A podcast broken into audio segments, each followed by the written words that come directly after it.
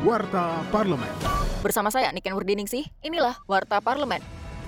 Ketua Komisi 3 DPR RI Bambang Wuryanto mengatakan penyempurnaan RKUHP telah mengakomodir masukan masyarakat agar tidak terjadi kriminalisasi dan tindakan sewenang-wenang oleh penegak hukum dengan memperbaiki rumusan norma pasal dan penjelasannya. Ia menambahkan pemerintah bersama DPR telah melakukan berbagai dialog publik dan sosialisasi dengan berbagai elemen masyarakat, terutama para akademisi hukum pidana dari berbagai lembaga dan universitas, sehingga meningkatkan partisipasi publik secara signifikan. Komisi 3 DPR RI juga akan terus mengawal dan mengevaluasi persiapan dan pelaksanaan Undang-Undang KUHP ini. Warta Parlemen. Anggota Komisi 1 DPR RI Desi Ratnasari mengatakan pemerintah harus memberi perhatian khusus untuk memasukkan mata pelajaran bahasa daerah pada kurikulum pendidikan. Jangan sampai bahasa daerah juga terkalahkan oleh penggunaan bahasa asing.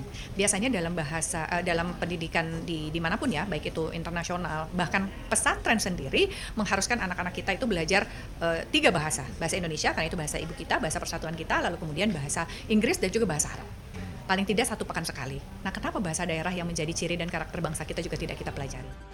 Kinerja Wakil Rakyat dapat Anda simak melalui media sosial DPR RI.